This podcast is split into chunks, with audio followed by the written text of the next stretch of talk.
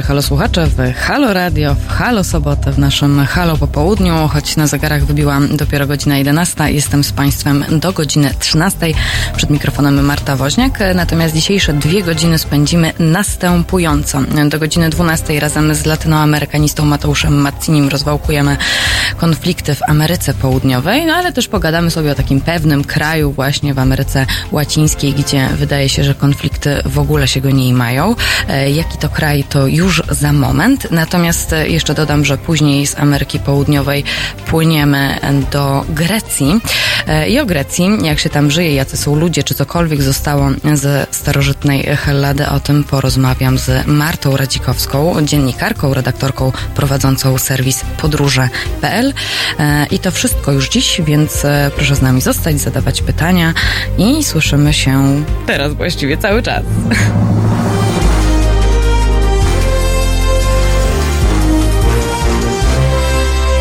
Dzień dobry, dzień dobry. Dzień dobry Państwu.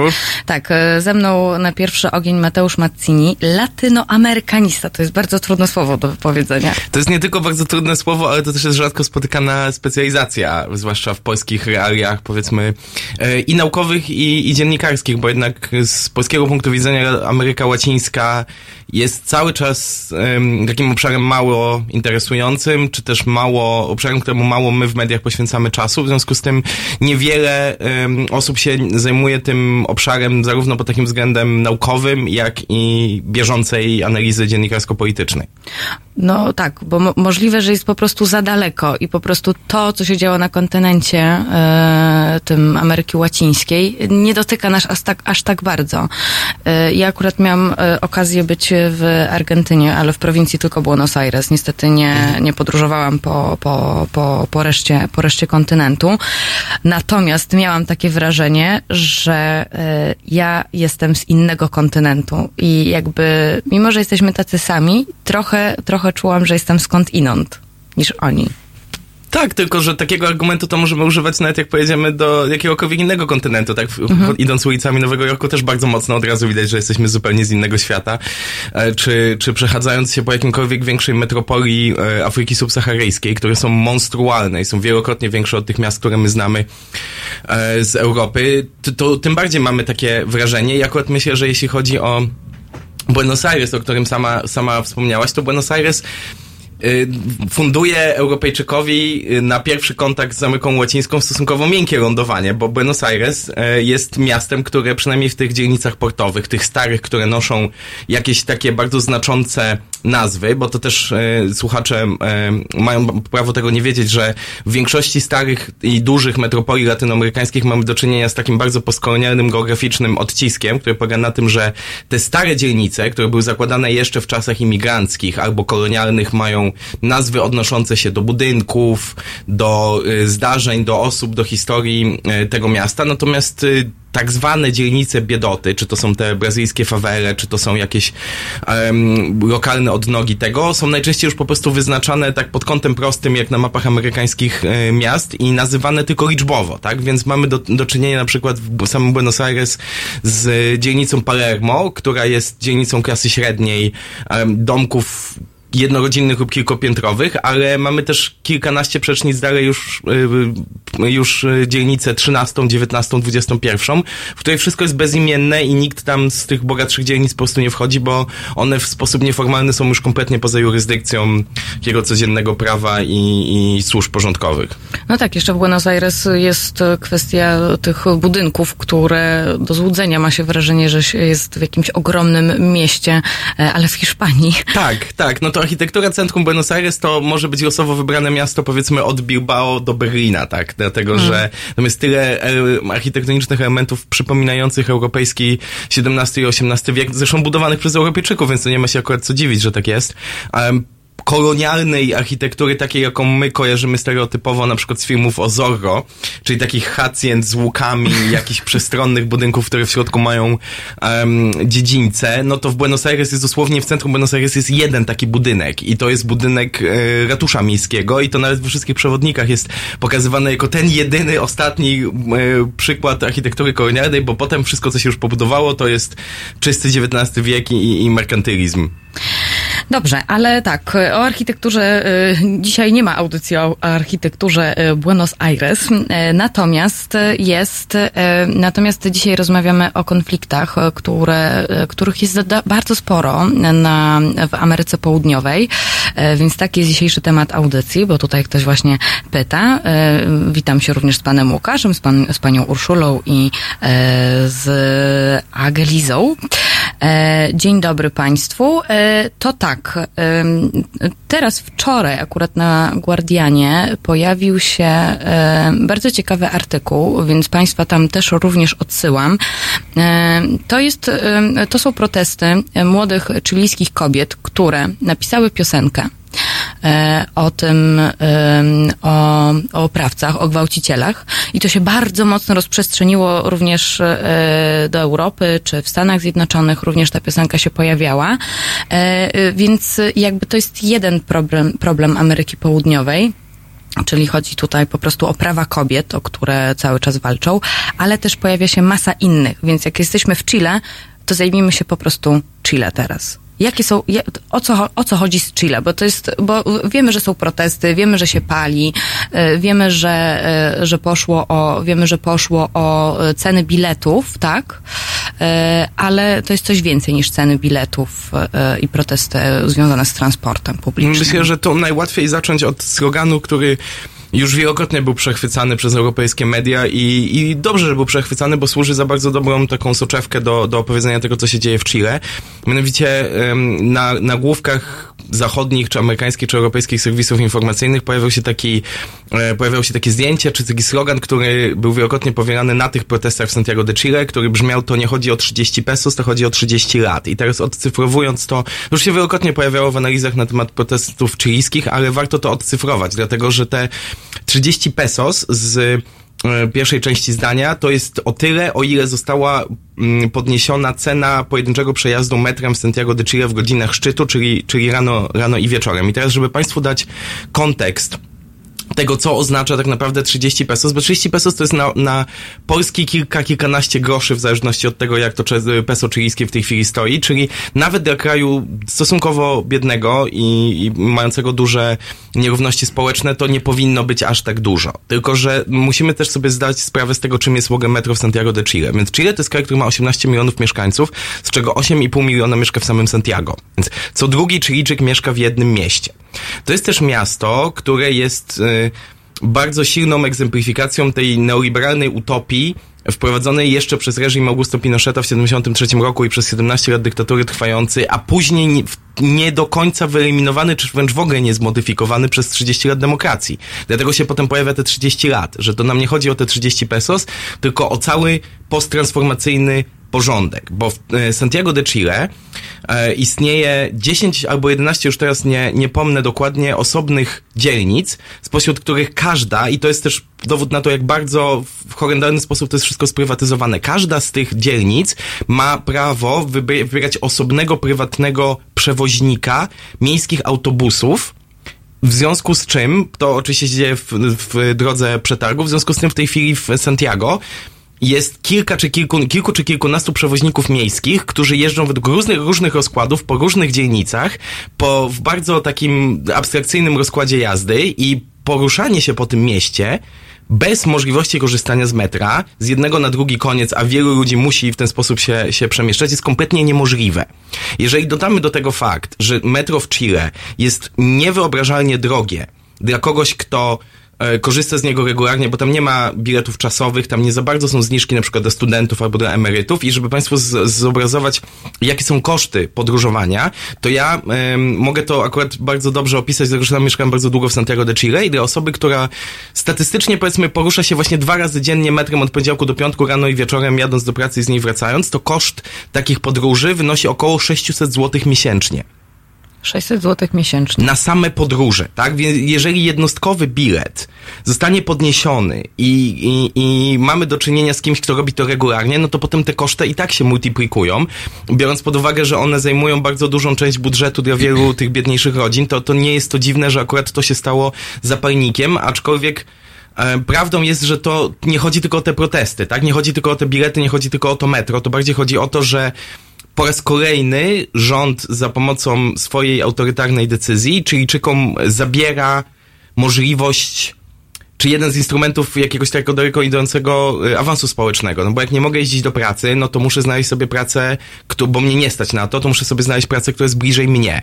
Jeżeli nie znajdę pracy, która jest bliżej mnie, no to albo będę pracował na czarno, albo będę miał jakąś pracę dorywczą, albo w ogóle nie będę miał pracy, znowu popadnę w biedę. Jeżeli popadnę w biedę, to nie będę miał pieniędzy, będę musiał wziąć kredyt, bo kredyt w Chile jest stosunkowo bardzo łatwo dostać, ale inną specyfiką systemu chilijskiego jest to, że tak, że one się potem piętrzą, bo tam ten neoliberalizm jest tak postawiony e, do, do stopnia niewyobrażonego w Europie, że wszystko jest prywatne, łącznie z wodociągami, łącznie z operatorami prądu, łącznie z uniwersytetami i ja zawsze podaję taki jeden przykład, który Europejczykom działa na, na najbardziej na wyobraźnię, to jest to, że najbardziej urynkowioną płaszczyzną życia w Chile jest edukacja wyższa. Każdy uniwersytet jest uniwersytetem prywatnym. Nawet jeżeli one twierdzą, że są publiczne, to, to, to nie do końca tak jest, bo i tak się ponosi koszty za studiowanie. I właściwie jedynym kryterium, oczywiście są egzaminy wstępne, są jakieś tam y, sposoby na zweryfikowanie jakości klientów, ale jedynym kryterium tego, czy ktoś jest wystarczająco dobry, żeby się dostać, w praktyce okazuje się to, czy y, stać na to, żeby zapłacić czesne. Czesne są bardzo wysokie w Chile, do tego stopnia, że wiele z rodzin zadłuża się, w rodzinach tylko zadłużają się i, i matka i ojciec, żeby pierwsze dziecko mogło pójść na uniwersytet. To są koszty tak około 25 tysięcy złotych rocznie. I że żeby to było możliwe, uniwersytet oferuje komercyjne kredyty na swoje własne e, czesne. I to potem dochodzi do takich horrendalnych sytuacji, że mamy taki, w Santiago to jest bardzo popularne, taki, taką, taką konstrukcję finansową, w której e, uniwersytet wchodzi w triumvirat z bankiem, normalnym bankiem komercyjnym i z hipermarketem i tworzą jedną kartę kredytową, którą można płaci, wypłacać z bankomatu banku, płacić za zakupy w hipermarkecie albo zapłacić za czesne za studia i potem mhm. to się w ramach tego triumviratu rozlicza rozkładając opłaty na raty, albo zbierając jakieś punkty, albo mając jakiś program lojalnościowy. Potem też jest taka usługa, że jak ktoś chce na przykład pójść na drugi kierunek na tym samym studiu, to jest kredyt konsolidacyjny, żeby można było e, zapłacić za e, drugi kierunek w ramach tego kredytu, który się wziął na pierwszy, albo też w metrze e, w Santiago są plakaty, które przed rozpoczęciem roku akademickiego reklamują poszczególne szkoły, mówiąc, że e, im więcej im lepszy masz wynik na wejściu, tym lepsze dostaniesz oprocentowanie tego swojego kredytu. W związku z tym to też pokazuje, że tam te neoliberalne prawa ekonomii naprawdę rządzą stosunkami społecznymi i to przeciwko temu Chilijczycy wyszli na ulicę i są tam siódmy tydzień z rzędu. E, do Chile wrócimy e, już za moment, natomiast ja Państwu przypominam, że mogą się Państwo z nami kontaktować, czy to na wideoczacie, na YouTubie, czy na Facebooku, e, czy pod numerem telefonu 22, to jest kierunkowy do Warszawy, 39 059 22, a z, latyno, z latynoamerykanistą, podoba mi się to słowo, ale nie potrafię go wypowiedzieć, Mateuszem Macinim wracamy już po, aha, Summer Moved On.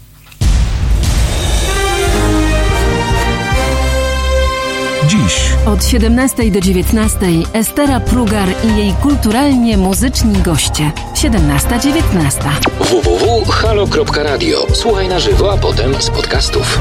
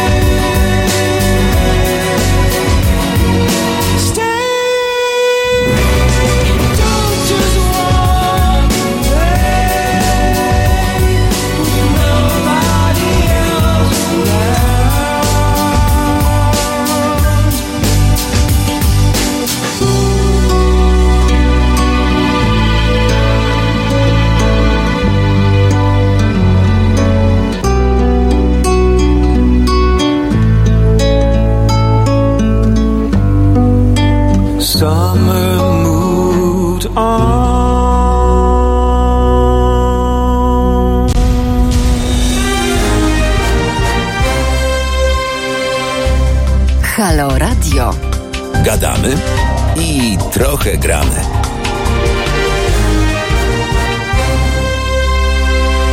Zegarach godzina 11.19. Tu Halo Radio, Marta Woźniak przed mikrofonem. Państwo słuchają audycji dzisiaj poświęconej e, temu, e, jak wyglądają kryzysy w Ameryce Południowej, z czego się biorą e, i jak, jak wyglądają na chwilę obecną. Teraz akurat z moim gościem Mateuszem Macinim rozmawialiśmy sobie o planach książkowych. Także, także tak. Tutaj mam pytanie od, od słuchacza. Co prawda pytanie na później ale zadam je już teraz. Co my możemy zaczerpnąć z Chile i z tamtejszych protestów? Myślę, że to bardzo dobre pytanie e, w kontekście tego, jak e, Chile się rozlicza ze swoją transformacją, dlatego że e, chilijską transformację ustrojową bardzo pod względem takim systemowym i instytucjonalnym można łatwo zestawić z Polską. I ja teraz Państwu zrobię takie, znaczy słuchaczom i, i nam w studiu zrobię takie proste ćwiczenie intelektualne. Widzicie, opowiem taką historię. Proszę sobie wyobrazić, że mamy do czynienia z krajem, który miał reżim niedemokratyczny, którego przewodnikiem, czy którego liderem, zarówno pod względem formalnym, jak i też spirytualnym w tej, w tej kończącej się fazie był generał, który zaprowadził ten e, reżim za pomocą, czy, czy prowadził ten reżim za pomocą interwencji militarnej, mówiąc, że gdyby nie jego interwencja militarna, to kraj popadłby w ruinę, najpewniej za pomocą interwencji militarnej z zewnątrz. Potem ten generał dochodzi do momentu, w którym się orientuje, że nie jest już najpopularniejszy, że jego, jego opcja polityczna traci poparcie wśród e, społeczeństwa, więc zaczyna tak zwaną y, negocjowaną transformację. I w tej negocjowanej transformacji mamy po jednej stronie niedemokratyczną demokratyczny reżim z generałem na czele, po drugiej stronie bardzo tęczową, kolorową, multiideologiczną opozycję, która zrzesza od, y, w sobie od komunistów po hadeków, albo od, od lewa po, y, przez centrum aż do, do, do takiego centroprawa którzy wchodzą w pewien układ z tym odchodzącym reżimem i prowadzą transformację ustrojową kompletnie bez rozlewu krwi, za pomocą układów, za pomocą negocjacji, za pomocą rozmowy e, i dochodzi do momentu, w którym e, reżim ustępuje, ale w momencie, w którym ustępuje, uzyskuje bardzo komfortowe warunki przejścia do demokracji, natomiast ta kolorowa, hybrydowa opozycja w momencie, w którym przechodzi już do reżimu demokratycznego, w którym obowiązują normalne warunki demokratycznej rywalizacji, rozwala się na tysiąc kawałków, zaczynają się spory, zaczynają się wewnętrzne kłótnie i z tej wielkiej hybrydowej koalicji demokratycznej już rok po, po transformacji nie zostaje absolutnie nic. Natomiast ludzie, którzy byli swego czasu bardzo um, zaognionymi krytykami e, reżimu tegoż dyktatora, wchodzą w e, bezpośrednie kontakty i uwłaszczają się też na, na, na majątku państwowym w partnerstwie z ludźmi, którzy z tą demokracją, z dyktaturą byli bezpośrednio związani. I teraz o którym kraju mowa?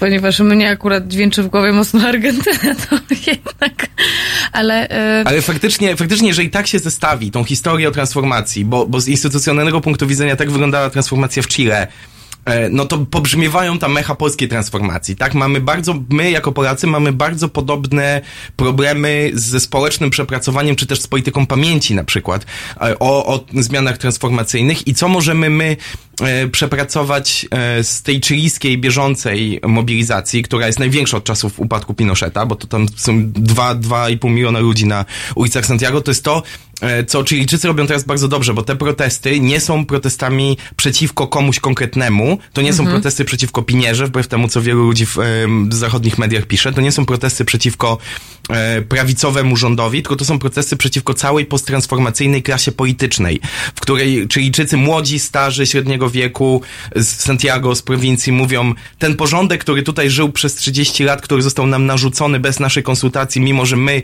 wygłosowaliśmy Pinocheta out z z, z dyktatury, nie jest czymś, co nam daje możliwość rozwoju. W związku z tym, jeżeli my możemy jako Polacy pomyśleć o tym w takich kategoriach, że to nie jest kwestia tego, czy my pokażemy jednemu albo drugiemu politykowi z imienia i nazwiska czerwoną kartkę, tylko zastanowimy się nad całym socjopolitycznym czy też socjoekonomicznym porządkiem i przeciwko niemu zaczniemy w jakiś konstruktywny sposób protestować, no to może rzeczywiście wtedy dojdziemy do jakiejś zmiany jakościowej, ale to jest oczywiście myślenie życzeniowe na tym etapie, tak? To jest jakiś scenariusz scenariusz, który może w Polsce by się zdarzył, chociaż nikt nie ma, nie ma żadnych dowodów takich y, wartościowych na to, żeby, żeby pokazać, że tak naprawdę by było.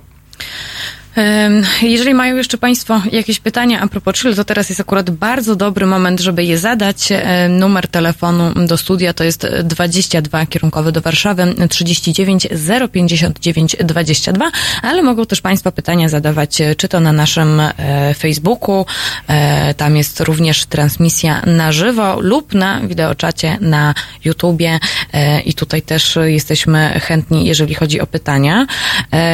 Ale tak, wracając, pomyśla, myślałam sobie, czytając właśnie na przykład o operacji Kondor, czy, e, czy w ogóle jak, e, jak w ogóle operacja Kondor dotknęła ogromną część e, Ameryki Południowej, to miałam takie wrażenie, że kiedy upadały reżimy, to wyglądało to tak, okej, okay, my generałowie dajemy wam demokrację, ale wiecie, zawsze możemy znowu zrobić tutaj, roz, rozwalić kraj jeszcze raz, dlatego dajcie nam amnestię.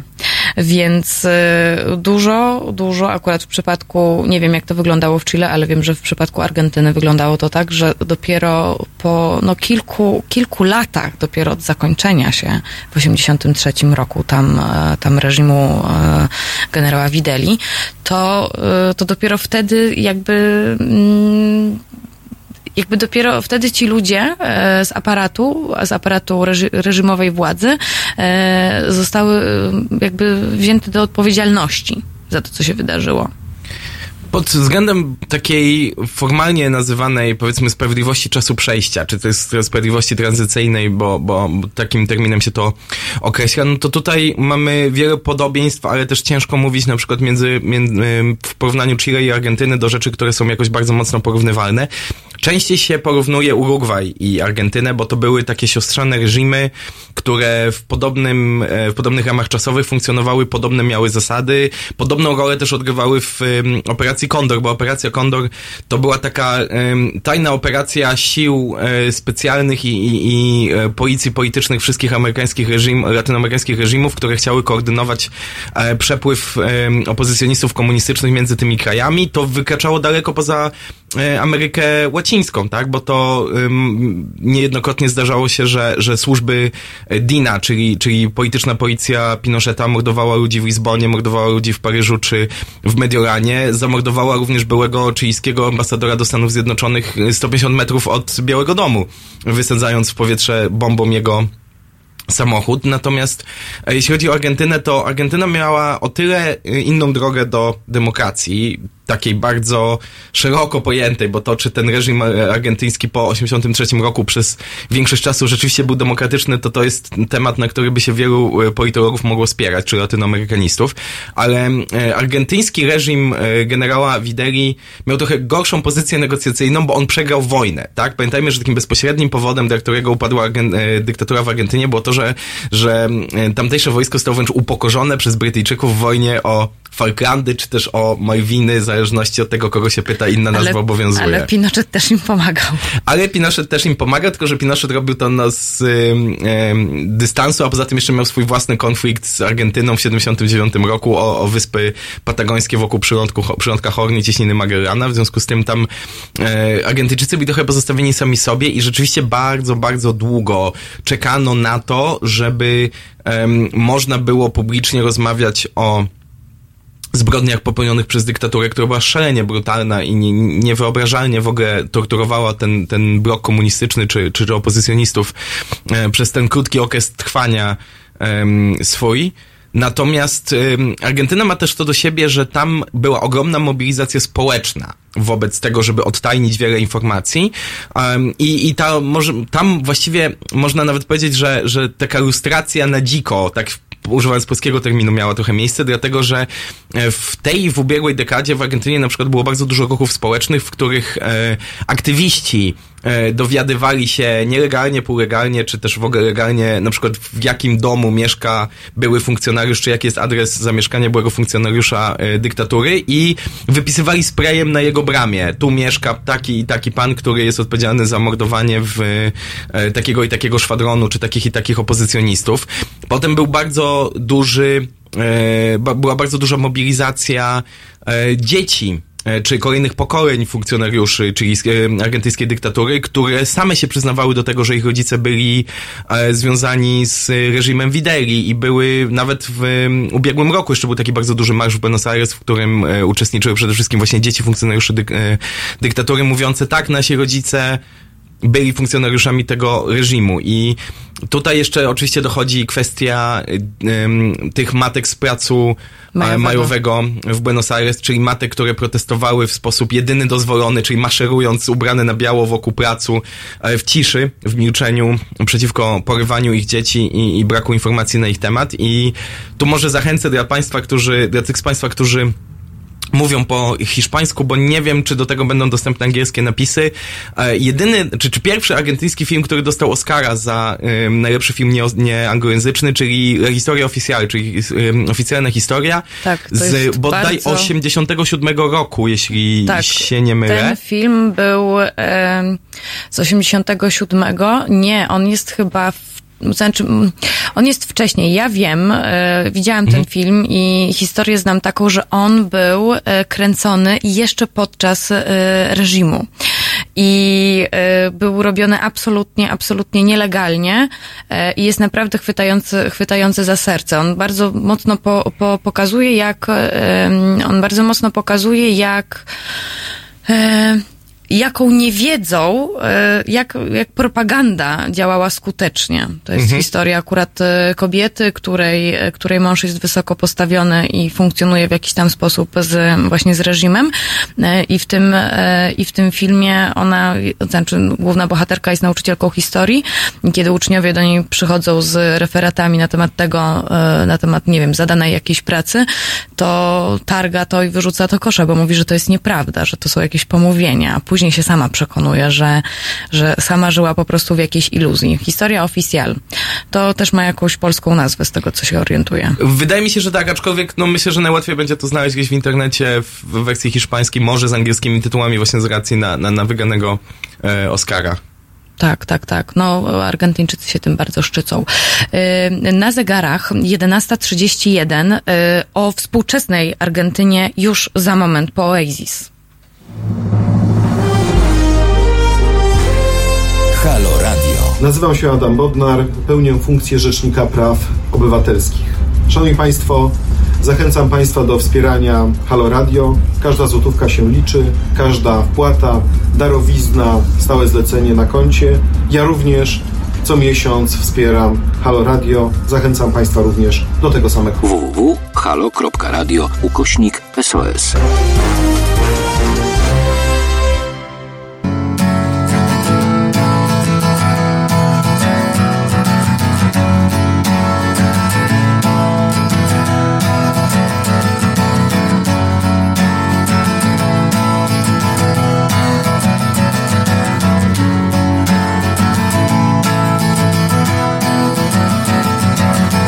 Today is gonna be the day that they're gonna throw it back to you. By now, you should have somehow realized what you gotta do. I don't believe that anybody feels the way I do about you now.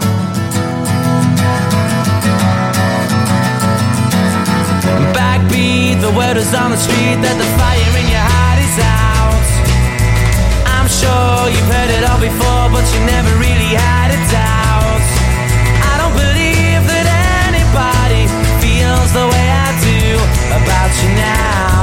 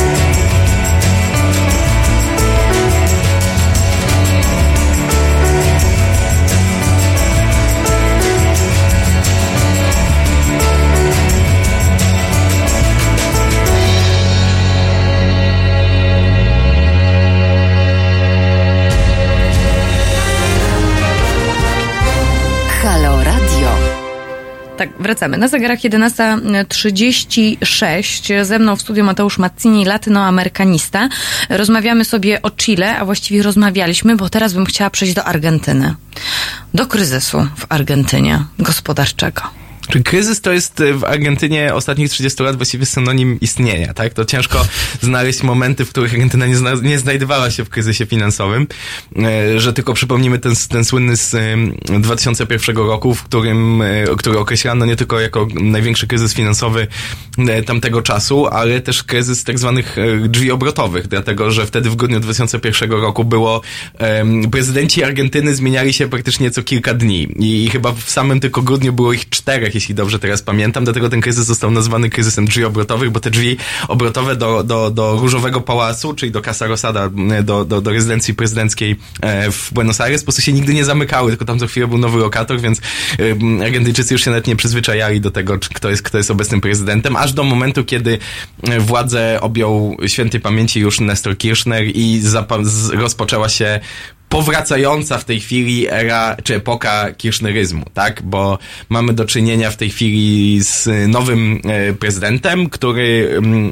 obejmuje władzę teraz, tak? Na początku, na początku grudnia, który został wybrany um, po czterech latach Mauricio Macriego, czyli po czterech latach rządów prawicy, czy tam powiedzmy liberalno-konserwatywnego środowiska intelektualnego, ale razem z nim, z nowym prezydentem wraca stara pani prezydent, czyli Christina de Kirchner, tak? Która razem z, w roli wiceprezydenta, w roli tej drugiej osoby po Bogu w argentyńskim, e, argentyńskiej polityce i wraca z niebytu, bo już wszyscy myśleliśmy, że po dwóch kadencjach e, niejako trochę odziedziczonych, po takiej nieudanej próbie założenia dynastii, bo tam jeszcze była taka taka mowa, że e, jeżeli ona, jej się nie uda zmienić konstytucję, dlatego że konstytucja argentyńska nie pozwala na więcej niż dwie kadencje prezydenckie z rzędu, e, i, a Cristina chciała startować trzeci raz, więc długo była taka szemrana mowa w Buenos Aires, że może będzie próba zmiany konstytucji, tak jak zrobił to Evo Morales w Boliwii, żeby móc praktycznie bez e, końca startować w prezydenckich wyborach. Ale jak się okazało, że już nie można zmienić tej konstytucji, to pojawiła się też taka opcja, że w imieniu partii justycjalistycznej, czy tej postperonistowskiej formacji, którą Kirchnerowie e, reprezentują, będzie startował syn państwa Kirchnerów, Maksimo, który był wtedy szefem młodzieżówki. To się w końcu nie zmaterializowało, bo sama Krystyna mogła wrócić e, z, z nad krawędzi śledztw korupcyjnych i, i oskarżeń o defraudację milionów dolarów Ma do jeszcze pierwszej inne ligi, dziwne zarzuty. Do pierwszej ligi argentyńskiej polityki. Tak, y, jeżeli chodzi o kryzys argentyński, to y, kiedy byłam w tym roku w lipcu w Argentynie, to oni tam, oni, znaczy Argentyńczycy bardzo porównują się do Stanów Zjednoczonych. Y, ci, z którymi ja rozmawiałam. Oni mówią tak, mniej więcej powstaliśmy w tym samym czasie, to znaczy y, tutaj Argentyna niepodległość to jest 1810 rok, tak. no tam kilka, 30-40 lat wcześniej Stany Zjednoczone, więc jesteśmy, no jesteśmy prawie, że równolatkami. Gdzie, jest, gdzie są teraz Stany Zjednoczone, gdzie jesteśmy my? I oczywiście było strasznie dużo dowcipów y, związanych z, z Argentyną Argentyną, że jesteśmy wielkim, bogatym krajem, ale po prostu mamy tak fatalnych rządzących, którzy doprowadzają nas po prostu do, no, do, do biedy. I y, kiedy i oni cały czas porównują się jakby tak do, Stan, do Stanów Zjednoczonych i nawet dla nich najważniejsze jest, jakby najważniejszą dla nich walutą jest właśnie dolar amerykański. Kiedy ja tam byłam, dolar amerykański y, to było około 40-39 peso. Y, po trzech tygodniach, to y, po trzech tygodniach od mojego powrotu to się zwiększyło do 62 peso. To jest dużo. Natomiast teraz sobie sprawdzam i to jest, i to jest 59 peso, więc trochę, trochę zmalało. Tak, tylko że trzeba pamiętać, że dolar amerykański jest dla, dla Argentyńczyków w ogóle e, ważny też z innego punktu widzenia, bo w momencie, w którym dział się ten poprzedni duży kryzys, czyli na przełomie 2000 i 2001 roku, kiedy e, odchodził Carlos Menem, czyli taka bardzo komiczna figura argentyńskiej polityki, bo to był prezydent, jeden z pierwszych prezydentów posttransformacyjnych, który wcześniej był aktorem w e, operach mydlanych, czy, czy w takich taśm... O, to trochę jak w Ukrainie. no trochę taki Trump przed Trumpem, moglibyśmy powiedzieć. Carlos Menem to był, to był taki stricte figuratywny polityk, który z polityką nie miał nic wspólnego. On był gwiazdą telewizji takich tasiemców latynoamerykańskich, potem został, był bardzo przystojny e, i, i miał też wokół siebie zawsze wianuszek bardzo atrakcyjnych młodych kobiet, jak się pokazywał publicznie, ale kompetencji ekonomicznych specjalnie nie miał. W związku z tym w momencie, w którym ta argentyńska gospodarka pod koniec lat 90. czy na progu nowego tysiąclecia e, zaczynała w ogóle popadać w ruinę, to rząd argentyński wprowadził, zrównał jeden do jednego sztucznie za pomocą e, e, manipulacji walutą peso do amerykańskiego dolara. Co skutkowało tym, że w Argentynie szalał kryzys, Argentyńczyków nie było na nic stać u siebie w domu, u siebie w, u siebie w kraju, ale wszyscy latali dwa razy w roku do Miami. Mhm dlatego że było to zrównane jeden do jednego z y, dolarem, tak? W związku z tym y, to potrwało oczywiście tylko pół roku, czy, czy, czy niecały rok, bo, bo więcej y, już ten system nie był w stanie wziąć na siebie i, i hiperinflacja i bezrobocie i wszystkie inne problemy strukturalne się nawarstwiły. Natomiast to jest bardzo mocno zakorzenione w tej współczesnej pamięci zbiorowej Argentyńczyków, że był taki moment, w którym my wróciliśmy do tego poziomu, że my byliśmy jeden do jednego ze Stanami Zjednoczonymi. Bo Argentyńczycy w swojej takiej tożsamości narodowej mają bardzo głęboko zakorzeniony ten mit o swojej straconej szansie, czy takiej niezrealizowanej szansie tej wielkości, o której sama powiedziałaś. Argentyńczycy myślą o sobie, zwłaszcza ci, którzy mieszkają w Buenos Aires, w Cordobie, e, w większych ośrodkach miejskich, że to są Europejczycy na wygnaniu. Oni nigdy nie myślą o sobie jako tacy latynosi w stereotypowym ujęciu, tylko to są ludzie, którzy są równolatkami, jeśli chodzi o państwowość Stanów Zjednoczonych, jeśli chodzi o nastawienie takie ideologiczno-kulturowe, no to, to tak naprawdę jest Europa, no bo Buenos Aires wygląda jak Madryt, a wszyscy i tak mamy korzenie europejskie albo z Bałkan, albo z Francji, albo tak, z Włoch. sami o sobie mówią, że my jesteśmy krajem emigrantów. My jesteśmy krajem emigrantów, ale my kiedyś wrócimy do bazy, a naszą bazą jest Europa Zachodnia, tak? Czy ta kultura śródziemnomorska. E, I, I rzeczywiście, jeżeli popatrzymy na przykład na trajektorię taką czasową rozwoju ekonomicznego Argentyny, no to e, Argentyna w 46 roku, czyli zaraz po II wojnie światowej, no oczywiście wtedy wszystkie inne kraje były mocno zdewastowane, Argentyna była trzecim najbogatszym krajem na świecie zaraz po II wojnie światowej tak? Głównie z tego względu, że mogła po prostu eksportować, że była nienaruszona przez wojnę, że wiadomo, wszyscy potrzebowali argentyńskiego mięsa, argentyńskich surowców, argentyńskiej e, żywności, e, ale to też była szansa na to, żeby to w jakiś sposób zakotwiczyć w strukturze gospodarki argentyńskiej. To się nigdy nie stało. Potem przed Peron, który był, no dzisiaj byśmy go nazwali populistą, tak? Bo tak. on jest takim populistą z czasów e, rozdawnictwa ekonomicznego, kiedy to nie było uznawane za, roz, rozdawnictwo, a było dźwigiem cywilizacyjnym, tak? Bo to, co robiła Evita, czyli e, fundowanie szkół, rozdawanie darmowych posiłków, no dzisiaj byśmy powiedzieli, to jest klientelizm, tak to współczesne nauki polityczne definiują, no wtedy to było wydźwiganie mas, dosłownie mas argentyńskiej populacji z biedy, tak? E, więc e, kryzys e, jest rzeczywiście szalejący. Inflacja kilkudziesięcioprocentowa miejscami nawet powyżej 100%. Bezrobocie w tej chwili, jeśli nie, nie, nie mylę się, w okolicach chyba 32 czy 33%. Ogromna pożyczka z Międzynarodowego Funduszu Walutowego, którą muszą spłacać, największa w historii całego Funduszu Walutowego. Gospodarka nie chce ruszyć ani za starego, ani nowego prezydenta. Ale Argentyńczycy są nauczeni żyć w kryzysie, bo, bo, żyli w nim od 83 roku praktycznie co roku. No tak, no tak, no tak. Proszę Państwa, na, na zegarach 11.44 ja jeszcze chciałam zahaczyć o Kolumbię, ale to już przy następnym wejściu i jeszcze o ten kraj, taki najspokojniejszy na kontynencie, ale to już e, zaraz najpierw Prince.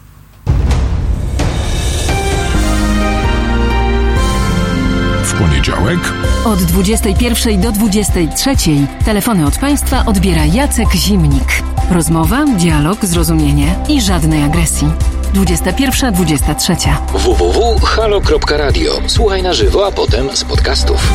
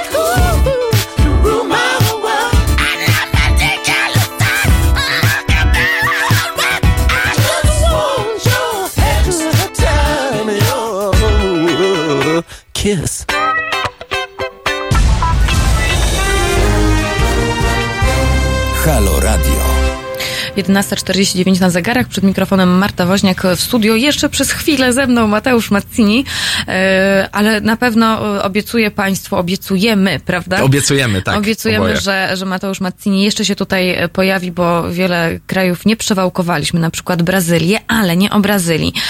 Czy mógłbyś szyb, na, na szybkości opowiedzieć, jak, jak wyglądają właśnie się rodzące protesty w Kolumbii? To warto o tym wspomnieć, bo o tym stosunkowo się dużo jeszcze nie mówi w Europie.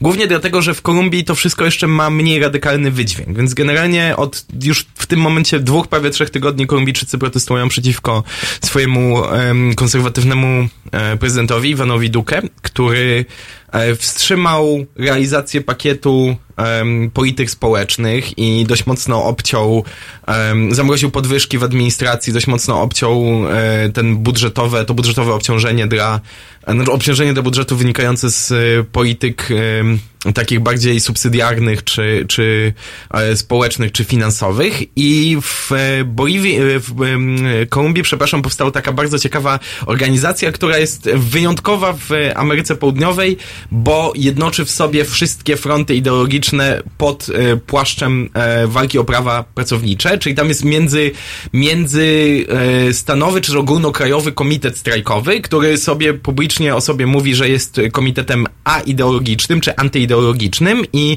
walczy tylko i wyłącznie o prawa e, pracownicze i spiera się z siłami rządowymi e, na ulicach, e, znaczy spiera może to złe słowo, protestuje przeciwko niskim płacom, zwłaszcza w administracji, w sektorze publicznym i braku zasiłków czy braku wsparcia dla bezrobotnych, ale robi to w zupełnie pokojowy sposób. Mamy chyba w tej chwili dwie ofiary śmiertelne na razie tych starć, ale one nie wynikają z tego, że te protesty są um, w jakiś sposób brutalny, tak jak w Chile na przykład, gdzie w tej chwili, jak jechałem do studia, to sprawdzałem ostatnie statystyki chilijskiego um, Instytutu e, Praw Człowieka, że w, od początku, od siedmiu tygodni od początku protestów w Chile do szpitala trafiło 7 e, tysięcy osób w wyniku obrażeń poniesionych w starciach z siłami porządkowymi.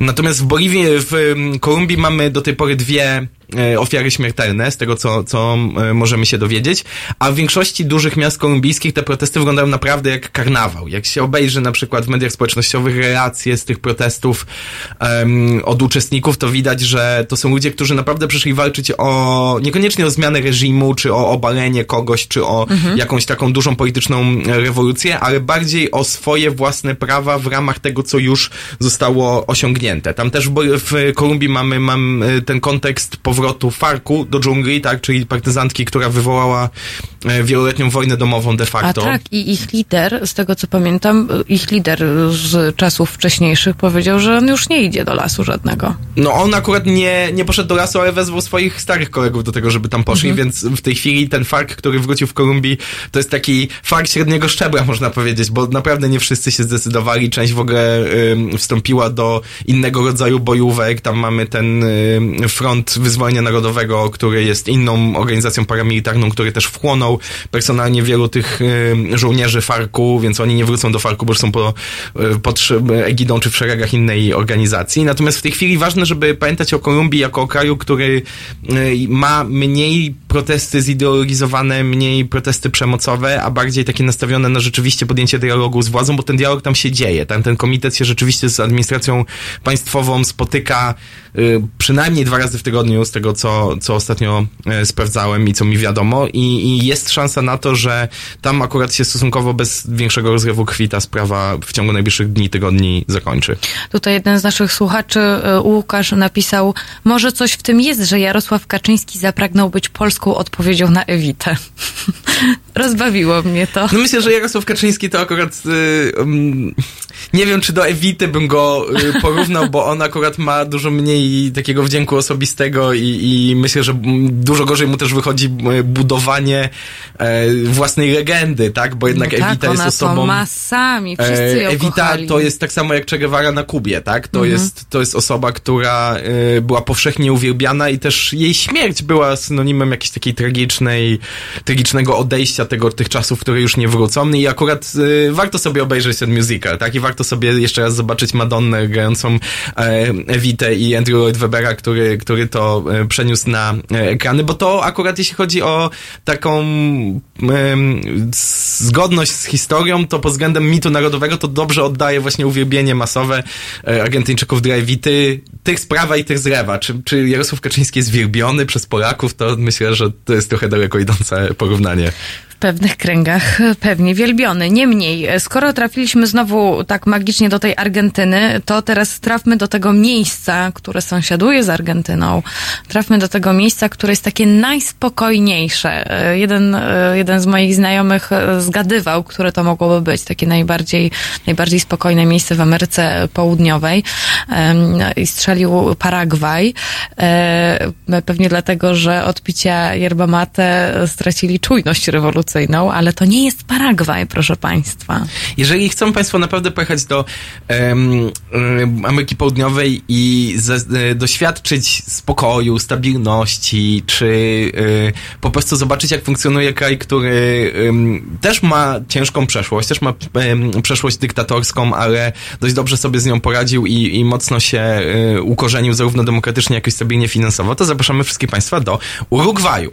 Urugwaj, który jest krajem krajem wciśniętym pomiędzy dużo większych sąsiadów, między Brazylię i, i Argentynę. Jest dosłownie po drugiej stronie ustia tej samej rzeki co Buenos Aires, więc wycieczka z Buenos Aires do Montevideo jest y, bardzo jest krótka, jest stosunkowo tania, już tam na kontencie latynoamerykańskim jest bardzo um, ładna estetycznie, bo jest bardzo krajobrazowa. E, natomiast sam Urugwaj jest krajem stabilnym, jest w ogóle nazywany latynoamerykańską Szwajcarią. Ma według niektórych, chociaż oczywiście każdy kraj mówi, że ma, ale, ale obiegowa opinia jest taka, że najpiękniejsze plaże w Ameryce Południowej na kontynencie latynoamerykańskim są właśnie w Urugwaju, w Punta del Este. E, to jest jeszcze wybrzeże atlantyckie, e, nie pacyficzne.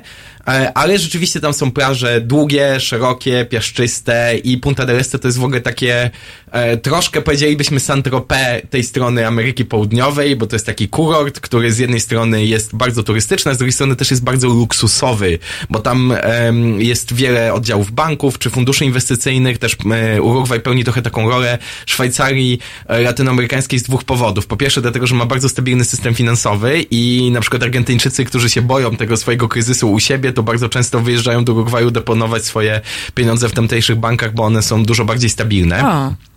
E, I e, drugi powód, dla którego to jest Szwajcaria Ameryki Południowej, to dlatego, że to właśnie w Montevideo są umieszczone e, najważniejsze regionalne organizacje międzynarodowe. To w Montevideo jest siedziba Mercosuru, czyli takiej latynoamerykańskiej siostry Unii Europejskiej pod względem gospodarczym, bo to jest tak, jak była EWG jeszcze w latach 80. czy wczesnych 90. przed wspólnotami europejskimi. Stricte gospodarcza Unia, no to na takiej samej zasadzie mniej więcej próbują się kraje latynoamerykańskie w jakiś sposób integrować e, i jak chcą Państwo e, rzeczywiście się tam wybrać, to przed wyjazdem polecam, my się polecamy oboje książkę Mai Hawranek i, i, i Szymona tak. Opryszka, Wychoduj sobie wolność, reportaży z Urugwaju, które doskonale właśnie ten wolnościowy, spokojny, czasami otumaniony przez yerba mate, ale jednak przyjemny w obyciu styl życia Urugwajczyków opisują. I tym miłym akcentem muszę Cię pożegnać, ale wrócisz tutaj na pewno. Wrócę, obiecuję obiecuję, tobie, obiecuję słuchaczom. Super, bardzo się cieszę. Mam nadzieję, że państwo również, więc e, Mateusza Marciniego zaproszę z całą pewnością jeszcze e, przy okazji jakichś następnych e, naszych wspólnych sobotnich spotkań. Natomiast bardzo Ci dziękuję za przyjście. Dziękuję bardzo, dziękuję Państwu. No i my słyszymy się już, już za moment, ale najpierw obywatel GC.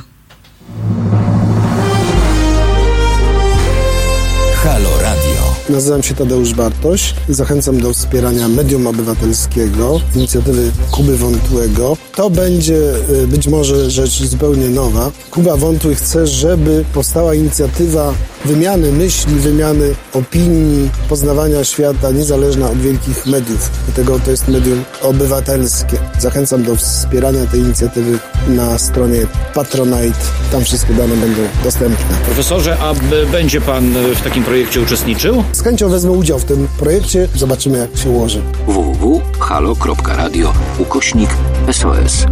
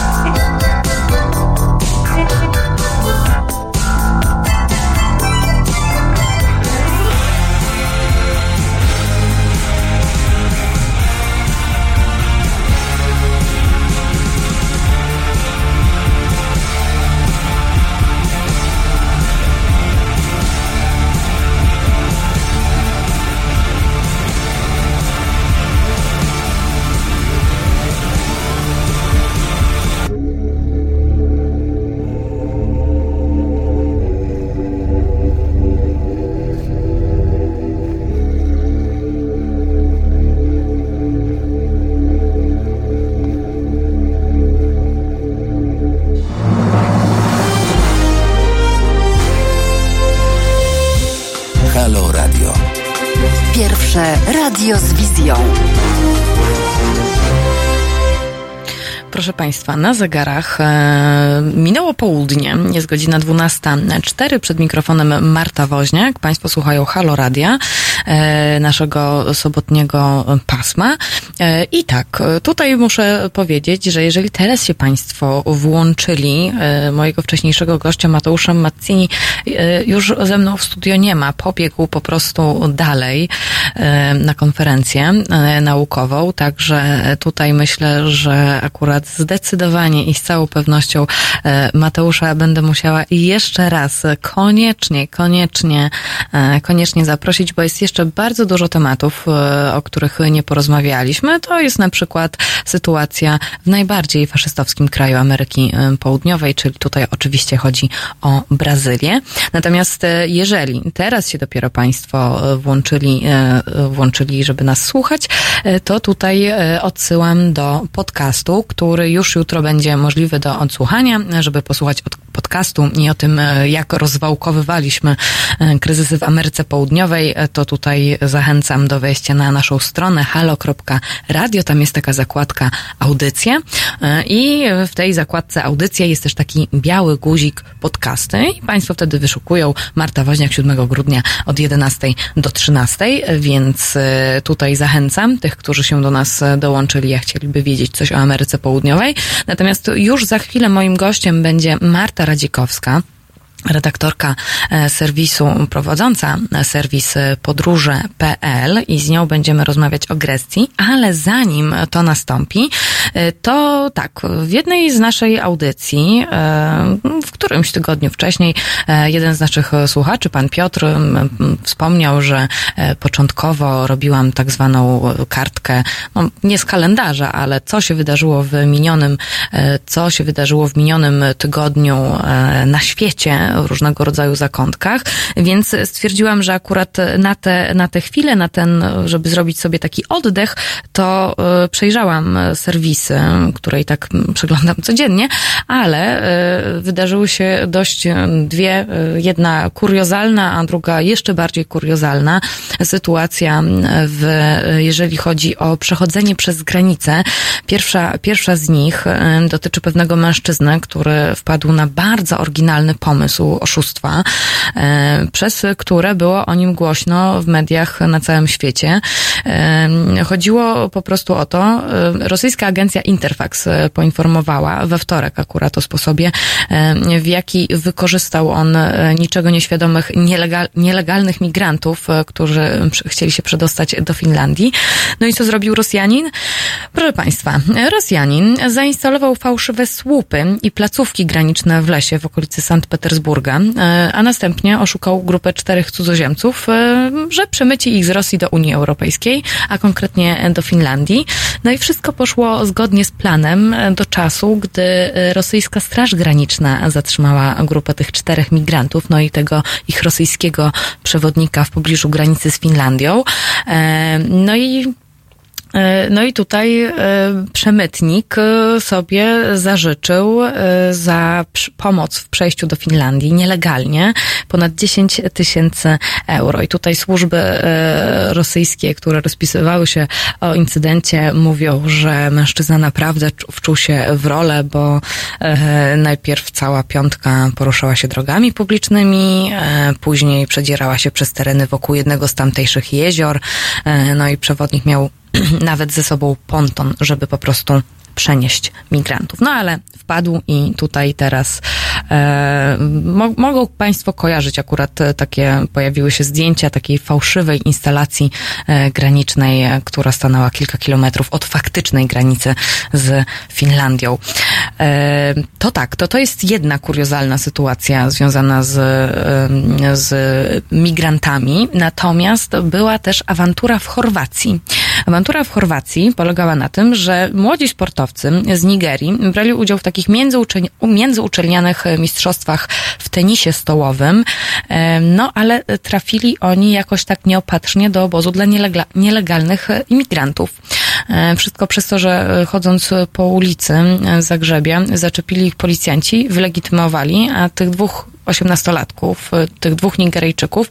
Oni nie mieli ze sobą dokumentów, żeby pokazać, że przyjechali tutaj na zawody do Chorwacji, do miejscowości do miejscowości Pula, e, że, że wzięli właśnie udział w międzyuczelnianych mistrzostwach świata w tenisie stołowym. Nie mieli tych dokumentów, bo zostawili je w hotelu, po prostu poszli sobie zwiedzać Zagrzeb.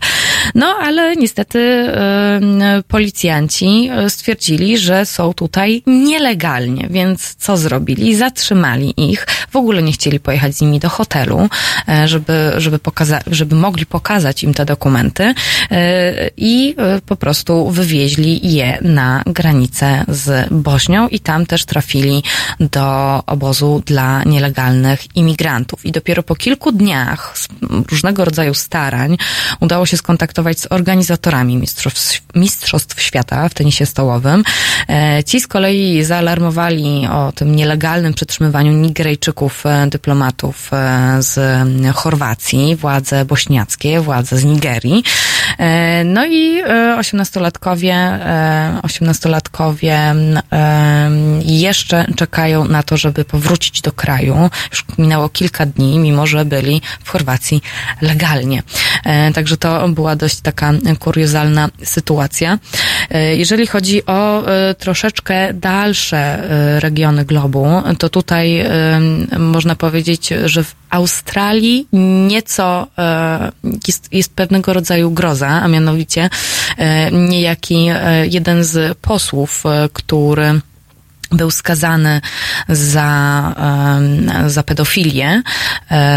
On się nazywa Milton Orkopoulos. E, został uwolniony z więzienia po 11 latach odsiadki, e, ale tutaj australijskie władze zastosowały jeszcze pewnego rodzaju jakby obostrzenia wobec niego, to znaczy jest on, e, jest on pod tą taką specjalną e, obręczą policyjną, dozór policyjny, tak, och, tak to się nazywa, dozór policyjny, tak to się nazywa.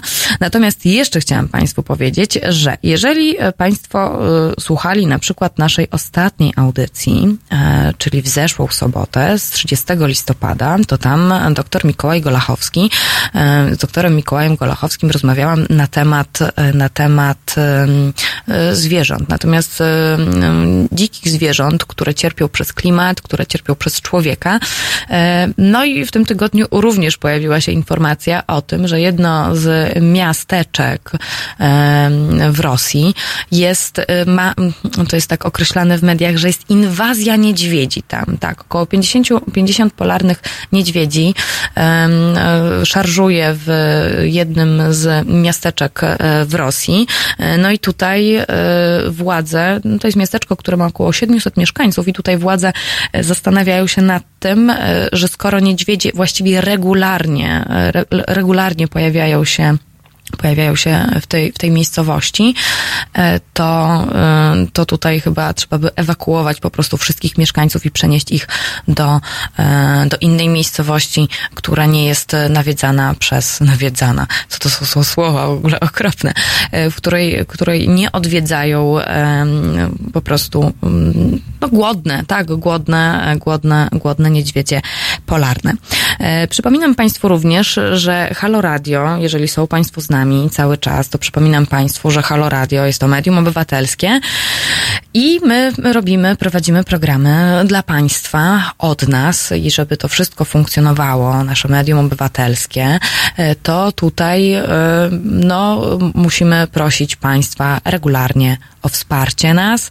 E, jak można nas wspierać, to tutaj na pewno odsyłam Państwa na, nasz, na naszego Facebooka, odsyłam Państwa na naszą stronę halo.radio, gdzie znajdą Państwo informacje, jak można nas wspierać. Tych form jest bardzo dużo, no i tutaj oczywiście co łaska, ale bardzo byłoby nam miło, gdybyśmy cały czas tak funkcjonowali i trwali e, ze sobą. Natomiast e, już e, tutaj za chwilę ze mną w studio Marta Radzikowska i porozmawiamy sobie o jej życiu w Grecji na zegarach 12.13. A, a, jeszcze ważna informacja, ponieważ mogą Państwo cały czas, cały czas, cały czas się mogą Państwo z nami kontaktować.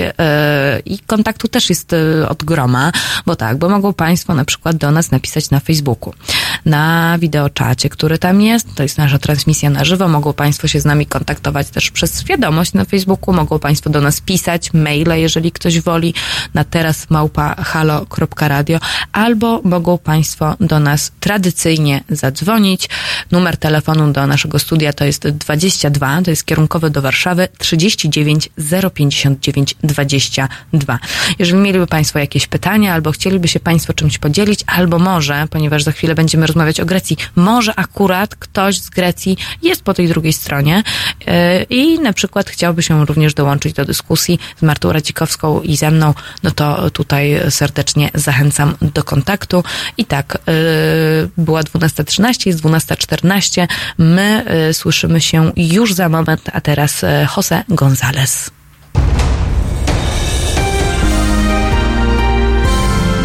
We wtorek. Od 21 do 23 telefony od państwa odbiera Radek Masłowski. Rozmowa, dialog, zrozumienie i żadnej agresji. 21-23. Zapraszamy. www.halo.radio. Słuchaj na żywo, a potem z podcastów.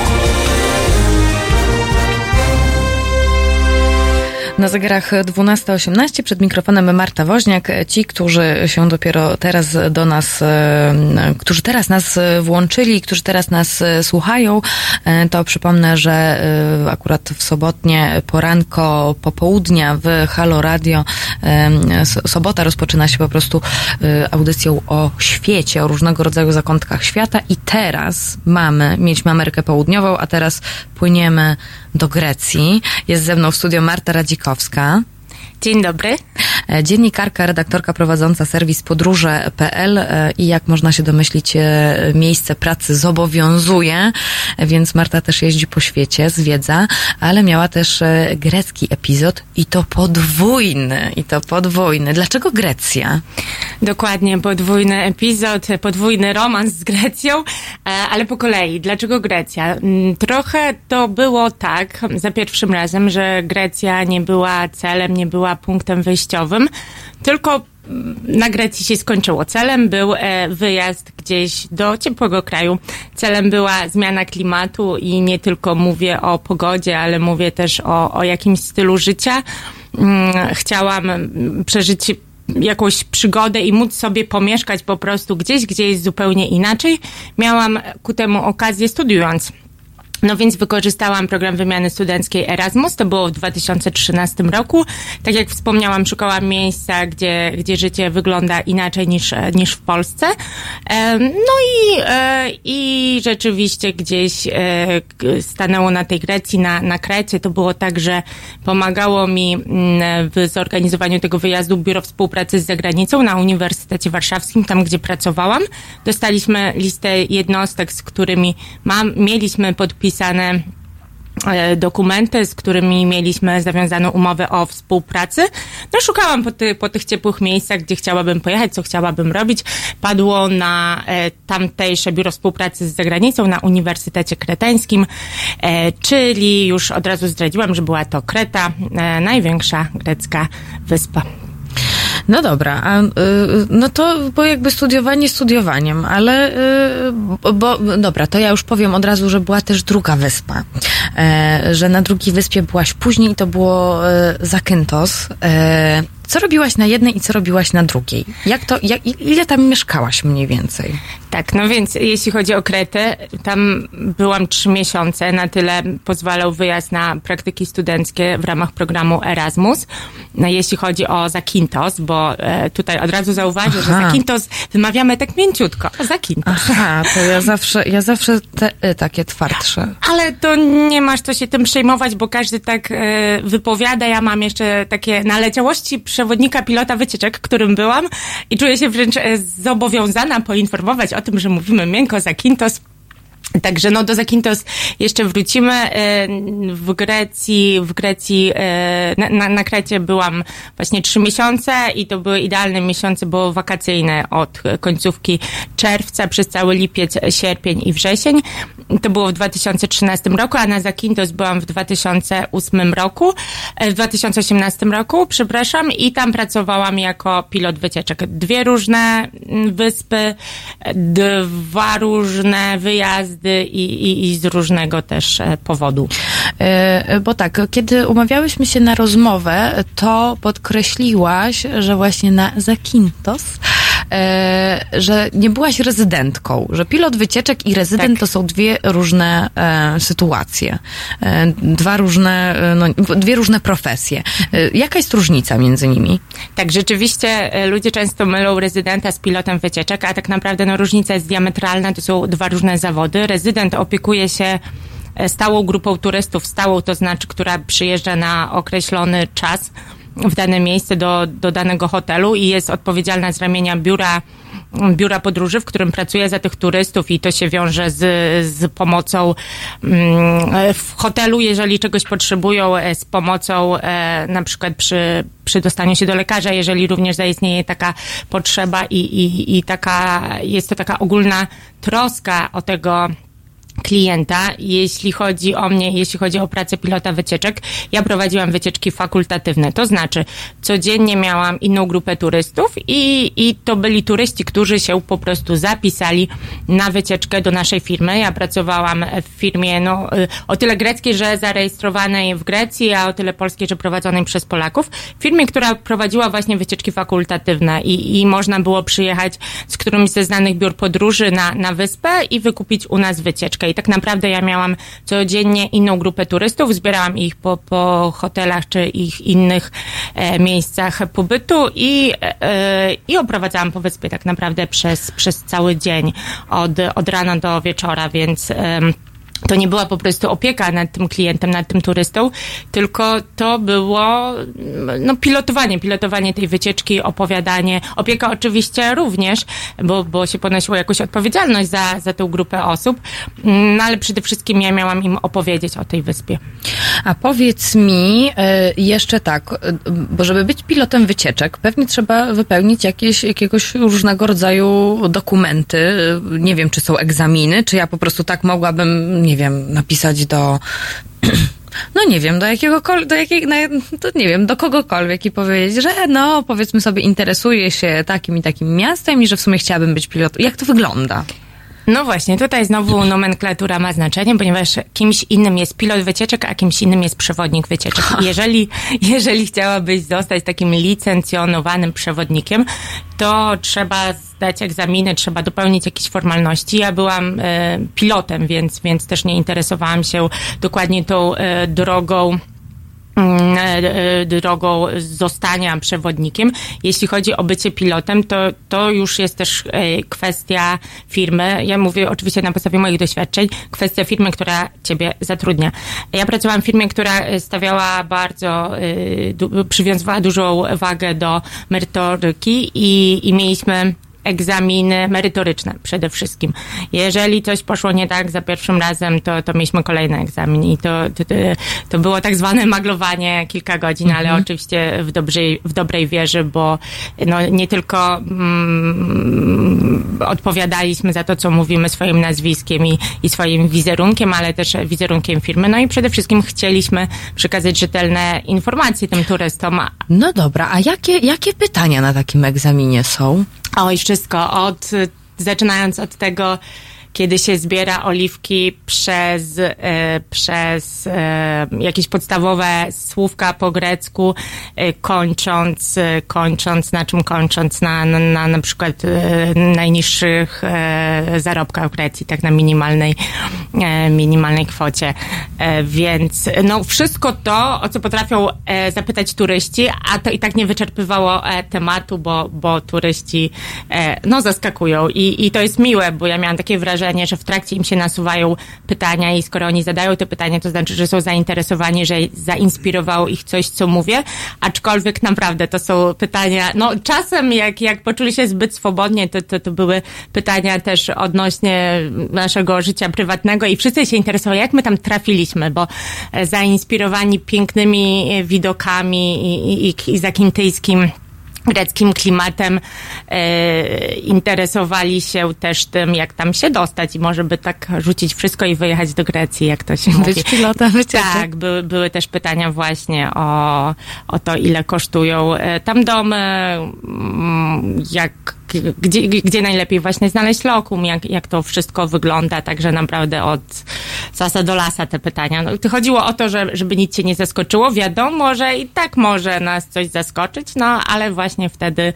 mm, wtedy dochodzi i liczy się ta przebojowość i, i spontaniczność pilota, którą zdecydowanie też, też powinien mieć, bo, bo to nie jest tak, że masz wiedzę merytoryczną i możesz być pilotem. No, no nie, no trzeba mieć mhm. charyzmę, trzeba umieć zainteresować e, też e, tych ludzi, tym, co mamy do przekazania, no i być, być odpowiedzialnym. To, to, to nie jest tak, jak większość osób myślało, że ja jestem tam na wakacjach. Oczywiście to była praca w pięknych warunkach przyrody, w ruchu i, e, i, i z wspaniałymi ludźmi, ale nadal praca.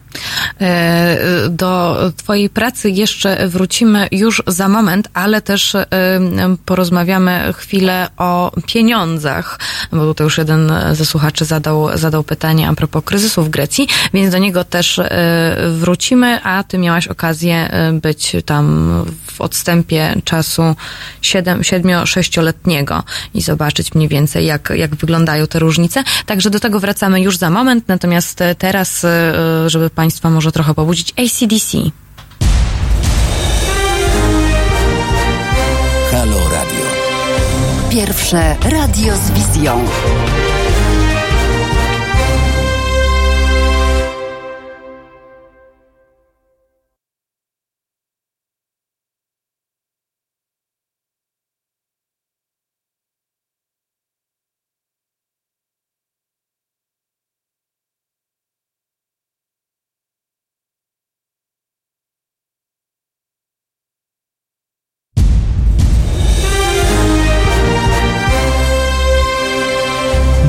Od 15 do 17 dr Przemysław Witkowski będzie rozpracowywać dla Państwa środowiska skrajnej prawicy i innych szkodników. 15-17. www.halo.radio. Słuchaj na żywo, a potem z podcastów.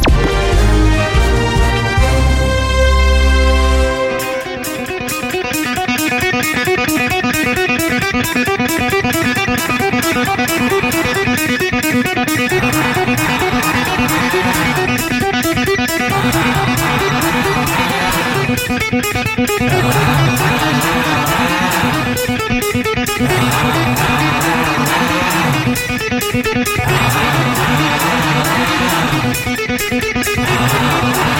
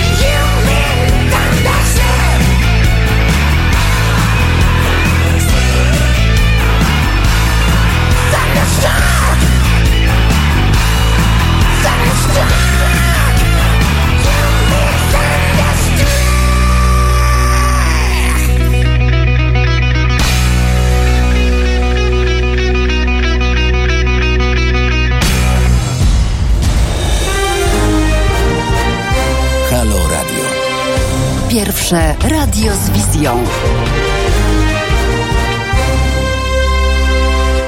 Mieliśmy małego chochlika, ale y, się naprawił, więc już nie ma chochlika, już jest wszystko w porządku. Przed mikrofonem Marta Woźniak, ze mną w studio moja gościni, Mart, moja gościni Marta Radzikowska. Rozmawiamy o Grecji, o tym, że jest tam miło, przyjemnie i sympatycznie, y, ale też Marta tutaj akurat, y, Marta akurat y, była w pracy. Y, natomiast y, masz też super obraz tego, ponieważ byłaś w 2013 roku i w 2018 roku to jest, e, to jest kilka lat różnicy i e, no, kryzys w Grecji, i tutaj jeden z naszych słuchaczy nawet zapytał, że skoro rozmawiamy o Grecji, to pytanie się już samo nasuwa, e, jak sobie Grecy radzą z kryzysem, jak zdobywają środki do życia, szczególnie w tych mniejszych miejscowościach.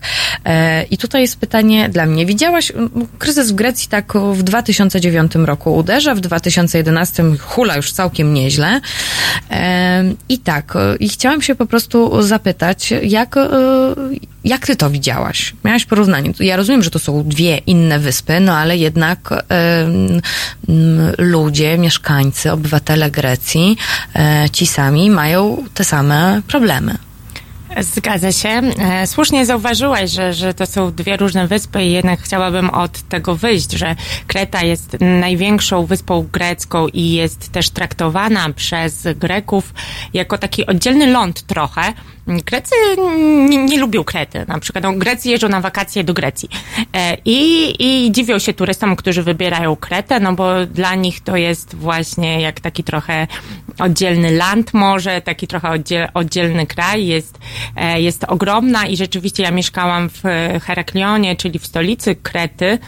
I, I ja tam stałam w korkach rano, tam, e, tam było, było głośno, było, było ciasno. Mi to akurat odpowiadało, bo ja jestem e, zwierzę miejskie. Jeśli chodzi o Zakintos, Zakintos jest wyspą rolniczą, już abstrahując od tego, że różni się od Krety diametralnie, mm, zaczynając o, od klimatu i, i też tego, co E, co na niej znajdziemy, o, architektura z racji też e, okupantów, e, z racji tego, że, że, że tam byli, mm, że tam byli Wenecjanie przez długi czas i, i pozostawili po sobie też ślady, chociażby w architekturze, tam nie znajdziemy tych e, stereotypowych, symbolicznych dla Grecji biało-niebieskich e, domków, no ale to już, to już gdzieś tam idziemy w różnicę, jeśli chodzi o Grecję, a to, co łączy Grecję, to rzeczywiście ten kryzys, który, który dotknął i wyspy, i i, dotkną y, większe wyspy, większe miasta i, i mniejsze. Chyba najbardziej odczuwalny był w Atenach. Rzeczywiście, no, mm, jest, jest różnica. To, co ja mogę powiedzieć, to mogę powiedzieć z własnego doświadczenia oczywiście i inny punkt widzenia ma y, ekonomista, inny punkt y, widzenia ma osoba, która studiowała ten kryzys w Grecji bardziej tak naukowo.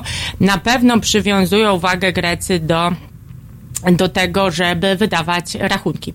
To, to żeby wydawać paragony, chociażby A, za kawę, zabierasz, za, że tak. zabierasz się po prostu ze tak, sobą, tak? Tak, gdzie no my w, w, Polsce bardzo często nie zabieramy tych paragonów, tak? Czy, czy, czy, czy, czy robimy to intuicyjnie, gdzieś zaraz wyrzucamy do kosza. Tak, tam pamiętam, że zamawiałam um, zamawiałam jakieś ciastko i, i kawę i nie wzięłam tego paragonu, no to ten kelner podszedł za mną do stolika i mi przyniósł ten paragon z takim też, yy, z taką uważnością w oczach i że, że, że, że tak, że, żeby była ta pewność, że on mi ten paragon wydał. Widać to też na ulicach, jest dużo um, pustych witryn sklepowych. Myślę, że ten kryzys najbardziej odbił się na na firmach rodzinnych, e, na, na małych też e, sklepikach, że jeżeli nie są e, osoby zwalniane, no bo przełożonych nie stać na, na utrzymanie pracowników, no to no, zarabiają coraz gorzej mm, trudno o, o sprzedaż takich towarów też no, nie pierwszego użytku typu meble. Mm, też to, co ja zauważyłam na przykładzie dwóch osób, które, które tam poznałam. e, No, poznałam dużo powiedziane, po prostu kiedyś rozmawiałam z taksówkarzem, e, który mnie wiózł i on był z wykształcenia fizjoterapeutą. On wyjechał do Aten, to, to było na Zakintos, pochodził z Zakintos, wyjechał do Aten, czyli no, z malutkiej wy, wysepki do stolicy.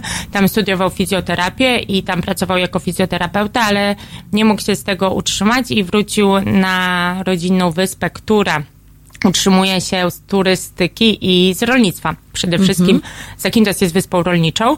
Tam są same wioski, tam jest e, tylko jedno miasto e, i rzeczywiście dwie, gałęzie, z których się utrzymuje to właśnie rolnictwo i turystyka.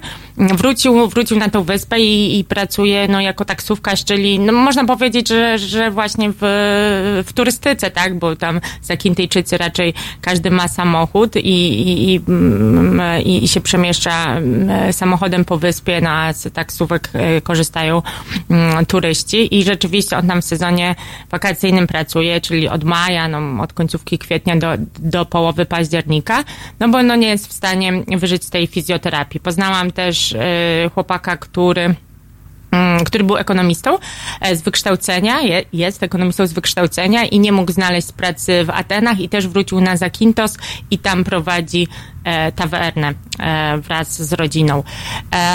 Więc, więc jest mm, coś antagonistycznego do, do stylu życia w Polsce oczywiście to jest jakaś generalizacja, ale jednak jesteśmy przyzwyczajeni, że, że w Polsce z małych miast to raczej młodzi uciekają, ja- jadą na studia do większych miast i zazwyczaj w tych większych miastach się zatrzymują, tam zaczynają swoje życie zawodowe, czy, czy, czy, czy się przeprowadzają do innego, ale również dużego miasta.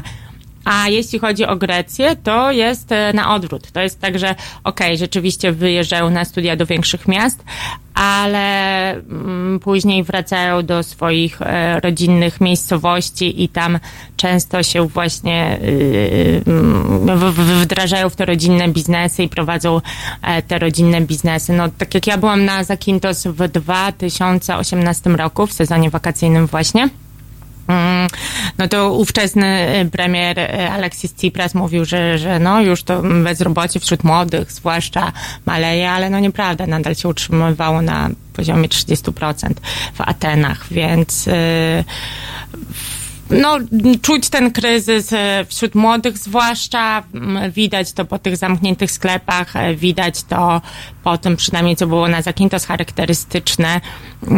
Rzucało się w oczy, zwłaszcza no, dla turystów, to też zależało od miesiąca, ale no śmieci, śmieci, które leżały na ulicach.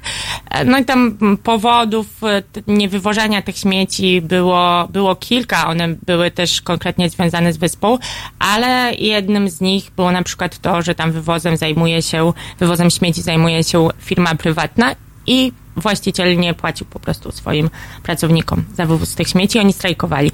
Dlatego te śmieci też nie były, mm, nie były wywożone. Z drugiej strony, żeby nie, nie, nie, kończyć tak e, gorzko. Na pewno i, i to, to jest miłe, to jest e, coś, co, na co się, e, na myśl, o czym się uśmiecham, jeśli chodzi o Grecję. Grecy nie zrezygnują z takich swoich stałych punktów dnia, czyli wyjścia do tawerny wieczorem, e, z przerwy, z przerwy nam papierosa, z kawy. W ogóle greckie śniadanie to jest kawa i papieros. Oni nie jedzą śniadań, to jest, to, to jest mocna kawa, no, f- frappe albo Fredo. No, Fred, frappe nie jest taką typową grecką kawą. Fredo jest typową grecką kawą, ponieważ nie, nie, nie jest rozpuszczalna, jest, jest parzona, mimo że to frappe wśród turystów może bardziej się y, przyjęło, no ale mieliśmy y, mówić tak o, o tym, co jest charakterystyczne dla Grecji, co prawdziwe dla Grecji, to rzeczywiście to, y, to Fredo i, i, i papieros i, i na to musi być czas.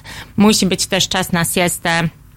Myślę, że y, siesta tak nam się kojarzy stereotypowo negatywnie, ale ja proponuję popracować w Grecji, w upale. Naprawdę negatywnie się kojarzy siesta? Może w tym znaczeniu, że y, sie- siesta jest oczywiście sama w sobie czymś pozytywnym, bo jest czasem wolnym, ale jak słyszymy, że Grecy i siesta, no to lenie i że oni ciągle mają siestę. Jakiś może taki skrót O, myślowy. To równie dobrze można tak powiedzieć o, Zrobiłam. O Hiszpanach, tylko my zapominamy zawsze o tym, że oni od tej 12 do 14 czy czy od 13 do 15, oni te dwie godziny im nie znikają. To nie jest jakby przerwa 15-minutowa, czy tam dwugodzinna w tym momencie i oni wychodzą o 17 z pracy, Dokładnie. tylko oni wychodzą 19, 20, 21. Dlatego też na przykład ze swojego doświadczenia mogę powiedzieć, że właśnie życie chociażby w Hiszpanii, ono się, to takie wieczorne, nocne spotkanie z rodziną, czy, czy jedzenie, ono się przesuwa na późne godziny, także siesta.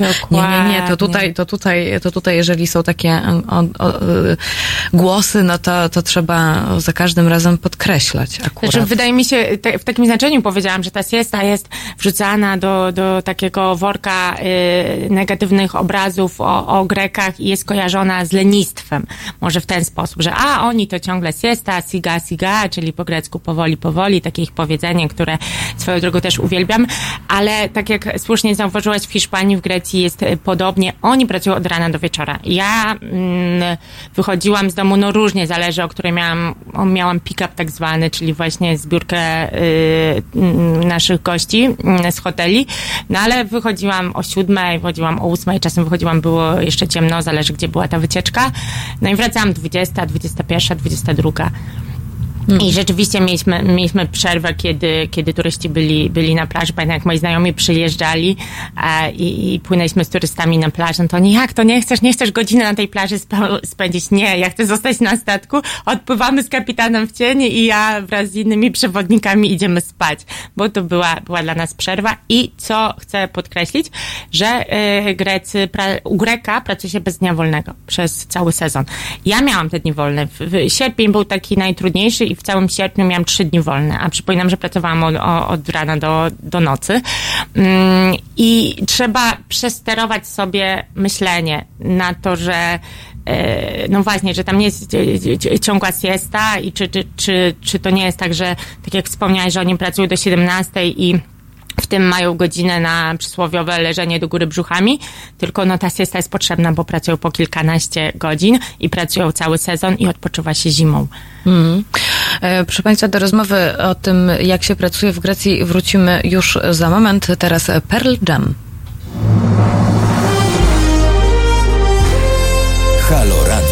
No proszę Państwa, bardzo namawiam do słuchania Halo Radia. To jest pierwsze radio obywatelskie i już bardzo ważne i bardzo istotne i tu się głównie gada, yy, ale gada się no takie mądre rzeczy, a w każdym razie prawdziwe. Agnieszka Holland. Tomasz Piątek. A ja zachęcam bardzo do wspierania Halo Radio, bo jeżeli nie będziecie go wspierać, to zniknie. www.halo.radio ukośnik SOS.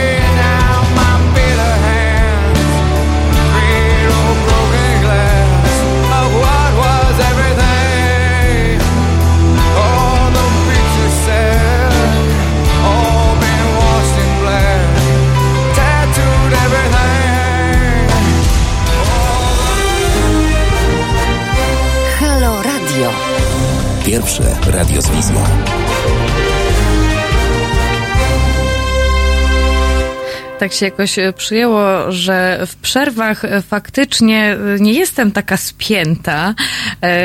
Może nie nazwałem tego spiętością, ale kiedy mam ze sobą gościa bądź gościnie, to tutaj spieszę wyjaśnić, że słucham, a kiedy jest ta przerwa nasza muzyczna na antenie, to wtedy mogę trochę odetchnąć. To jest tutaj wtedy, proszę Państwa, burza mózgów. Na przykład teraz z Martą też decydowałyśmy. Zostało nam bardzo, bardzo mało czasu, e, a tematów oczywiście, jeżeli chodzi o, o pobyt Marty w Grecji jest bardzo dużo, dlatego tutaj odpowiadam e, naszemu słuchaczowi e, Dry High, że to tak właśnie wygląda, że te przerwy muzyczne to jest zawsze bardzo duża burza mózgów i no i ja po prostu gestykuluję, tak mam, tak mam, że, że gestykuluję. To tak jak Grecy.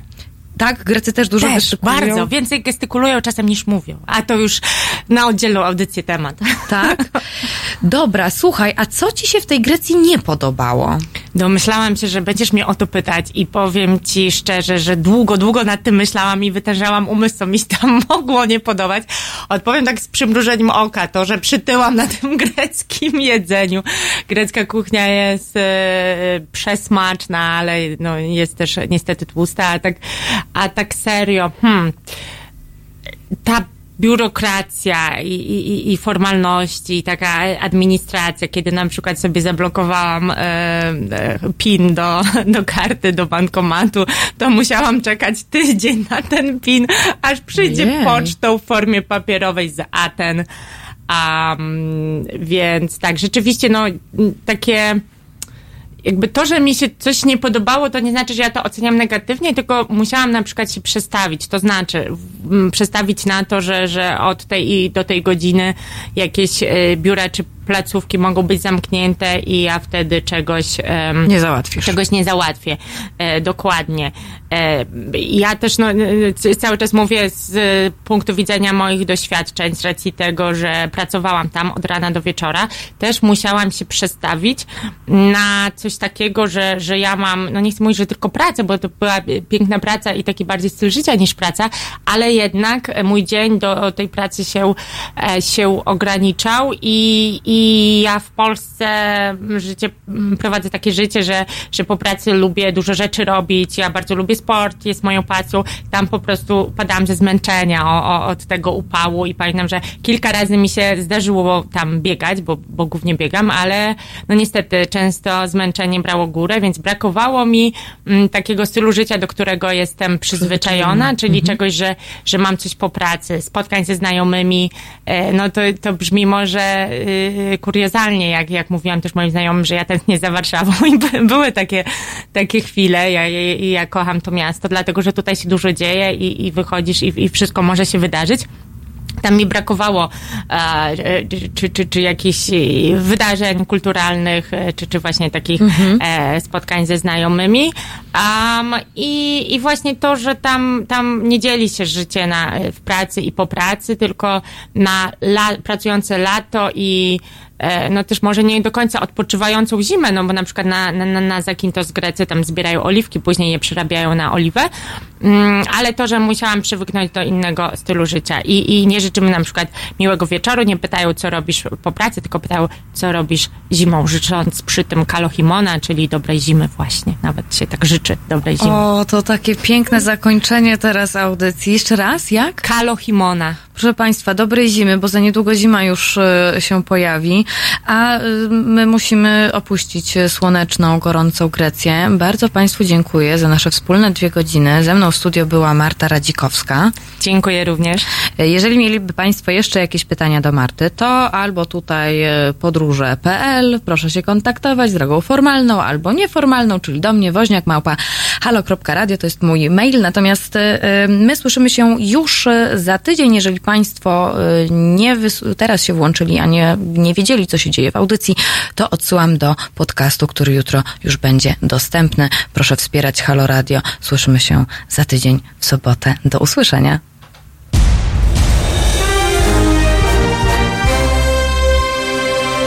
Halo Radio emituje swoje programy na żywo codziennie od 7 do 10 i od 15 do 23. W weekendy od 11 do 23. Nocą Halo Radio gra powtórki najciekawszych programów dla naszych rodaków z za oceanu. www.halo.radio. Słuchaj na żywo, a potem z podcastów.